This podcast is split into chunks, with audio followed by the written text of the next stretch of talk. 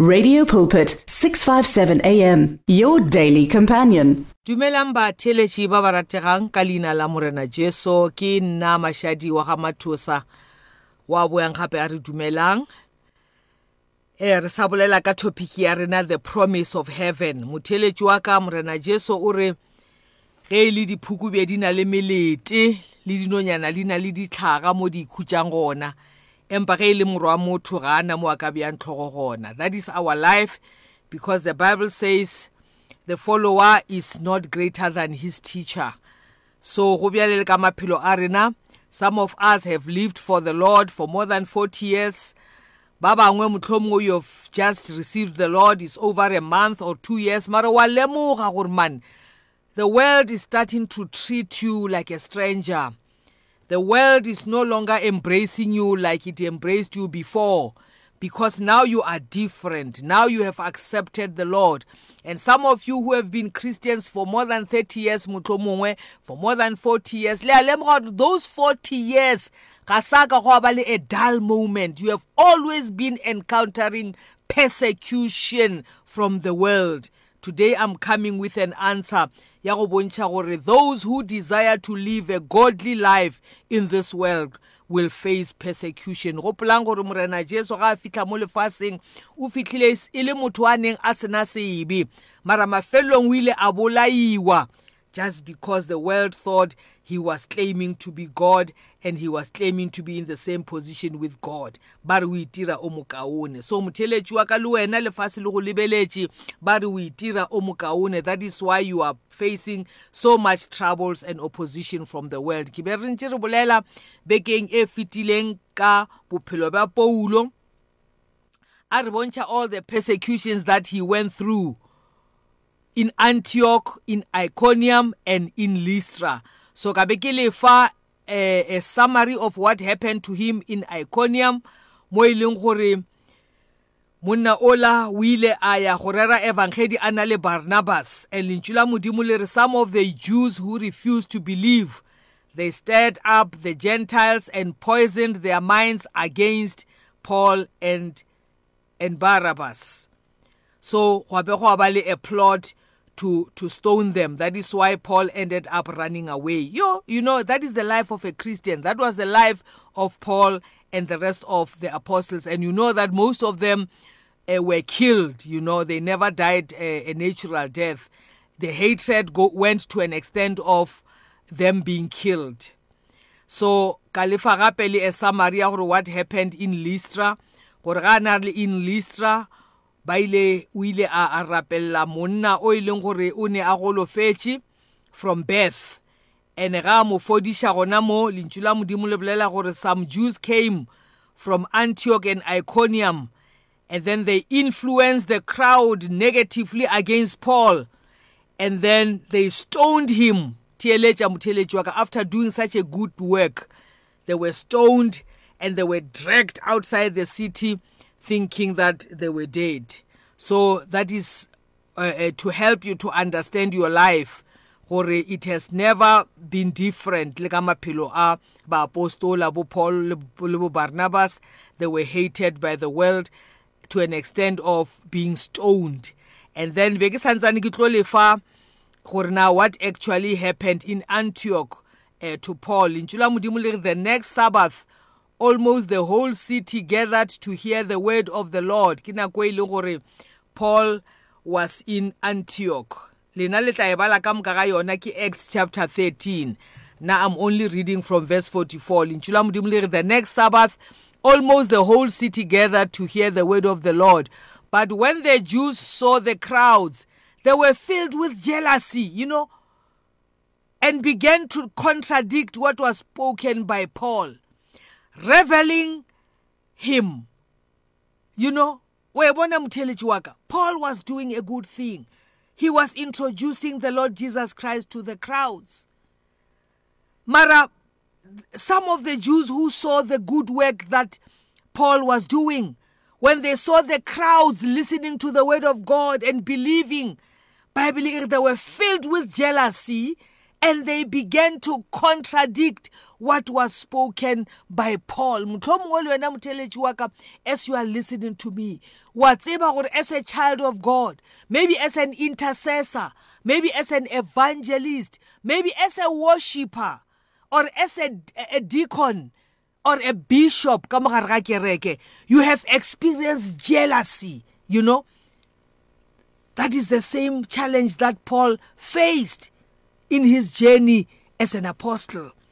lentšu la modimo le re uh, some of the jews ba ba bone mmereko mo botse o paulo a neng a o dira. O re le lentšu la modimo le re they were filled with jealousy and they began to contradict what was spoken by paul. Ba mo nyatša mo pele ga batho. They started to criticize him. They started to attack him. Mohlomongwe you know you have been criticized as a servant of god as an intercessor as a preacher as an evangelist as a worshipper. Huh? You were criticized. You were attacked. Mohlomongwe o mma moruti goba o moruti you were condemned. Sometimes people wanted to to to blacken your your, your reputation to defame you to smear you. To slander you, to vilify you, to abuse you. That is exactly what Paul experienced when he was in Antioch. So ufela re gopotsa remember what happened to me when I was in Antioch. Remember what happened to me when I was in Lystra. Remember what happened to me when I was in Antioch. Ore those persecutions I endured. So mtheletši wa ka, I'm not promising you what is going to be any different. I'm not promising you it is the new year, you are no longer be going to be persecuted. Paul says, Those sufferings that I encountered in Antioch, when people stoned me to death, when people criticized me, when people attacked me, or those persecutions I endured, and are yet from them all, the Lord will the Lord rescued me. So motheletši wa ka thapelo ya ka gore the Lord will rescue you from all the persecutions that you come across in this year. Endure. Be steadfast in your faith. O tsebe gore le baapostola ba fetile mo sepelang gona. O sekebe wa nyama because that is what the devil wants. Ba bangwe ba rena sometimes when we go through these things o thoma go sa ya kerekeng o thoma go sarapela o thoma go sa oshipa ga ba sa go kwa ka mogae o opela difela tša lethabo o opelela modimo ga o sa raloka gospel music. Ba bangwe ba feletša ebile ba kgelogile starting to oppose the gospel themselves. O sekebe wa e dira ntho eo. Continue modimo o re le ge ba go drega to the court i will give you words to speak I will defend you. I will be there standing with you. Paulo re go tsotlhe tšeo ka moka tše kileng ka feta ka mogare ga tšona the Lord rescued me. So motheletši wa ka that is the promise that I'm giving you today. That is what the Lord will do for you when you continue believing in him when you continue serving him. So i'm just here to encourage you motheletši wa ka gore there is an open heaven above our lives. God is there to back us up. There is a backup system a whole heaven with angels and cherubims motheletši wa ka with michael the archangel to support you to back you up. That is why paulo a re god rescued me. There are angels of god to rescue you. Motheletši wa ka ke felela ke mantswe nako nngwe just to encourage you gore o tsebe gore morena jesu is on your side. So ke rata gore ke ke go encourage gape gore o sekebe wa felela ke maatla. I just want to show you ka bophelo ba Paul mo go Philippians chapter 3 you know mo Paul ge ge ke thoma ge ke bala ke thoma mo go verse 10 Paul o re that I may know him and the power of his resurrection and may share his sufferings you know? Le se ke la lebala gore morena jesu o ile a ba ka mogare ga ditlhokofatso. So paulo o re ke rata gore ke mo tsebe ke rata go tseba morena jesu and the power of his resurrection. Resurrection ya morena jesu is available for us to rescue us to deliver us when we go through difficult times when we go through difficult times mutheleki waka that is how we get to know the powerful hand of god how it can rescue that is how we get to know how deep how high and how wide the resurrection power of Jesus Christ is. That is where we encounter it for ourselves.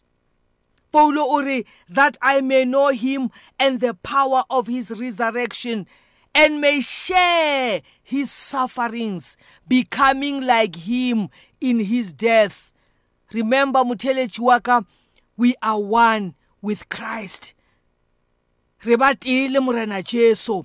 We share in his sufferings becoming like him in his death, or that by any means possible I may attain the resurrection from the dead. So more verse 12 Urim, not that I have already obtained this or am already perfect, but I press on to make it my own. So I just want to encourage you motheletse wa ka gore ka mogare ga di sufferings, ka mogare ga di persecutions, there is this strategy that Paul gives us.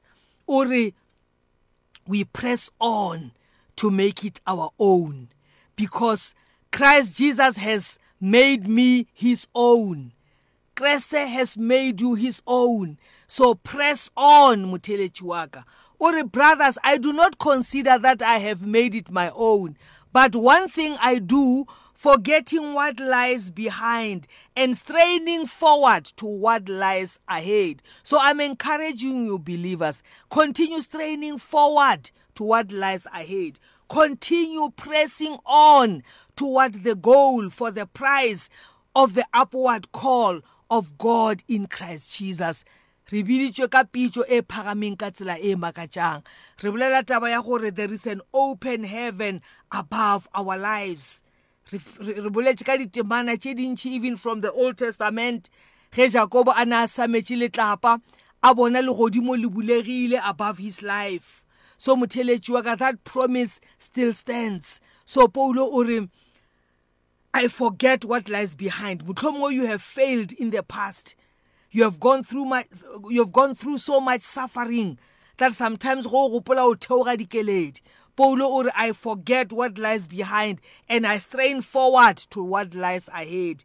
Continue press, pressing on toward the goal for the prize of the upward call of God in Christ Jesus. Motheletši wa ka this is the high calling ye modimo a re biditšeng ka yona. So o re mo go verse 15 o re let those of us who are mature think this way and if in anything you think otherwise God will reveal that also to you.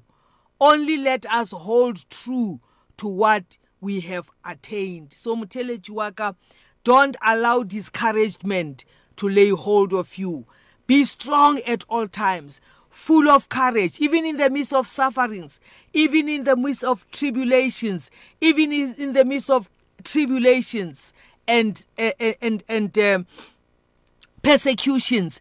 Don't allow discouragement to get hold of you. Be strong, be bold, be full of courage. Because there's a whole heaven above you to back you up in whatever you are going through. motheletši wa ka nako impheletše nna le lena re tlo bua gape re kopana bekeng e tlang. Re kgothatsana gore ka gare ga mabothata a re sepelang ka gare ga ona re seke be ra fela maatla. Because heaven is backing us up a modimo wa kgotso a le tlhogonolofatše Share our passion for life on 657 AM. It's good for you as our listener to know about Radio Pulpit's activities. Or do you need advice in an area of your life? Then why don't you log on to www.radiopulpit.co.za? Here you can talk to us, listen to us via live audio streaming, and there is also other reading material for the soul. What are you waiting for? Visit the Radio Pulpit website right now www.radiopulpit.co.za. Radio Pulpit, your daily companion. Radio Pulpit understands that praying alone isn't always easy. So join us to form a chain of prayer for you and with you. To send in prayer requests, contact 067 429 7564 or alternatively email us on prayer at radiopulpit.co.za. You and 657 AM and life a winning team on the road to eternity.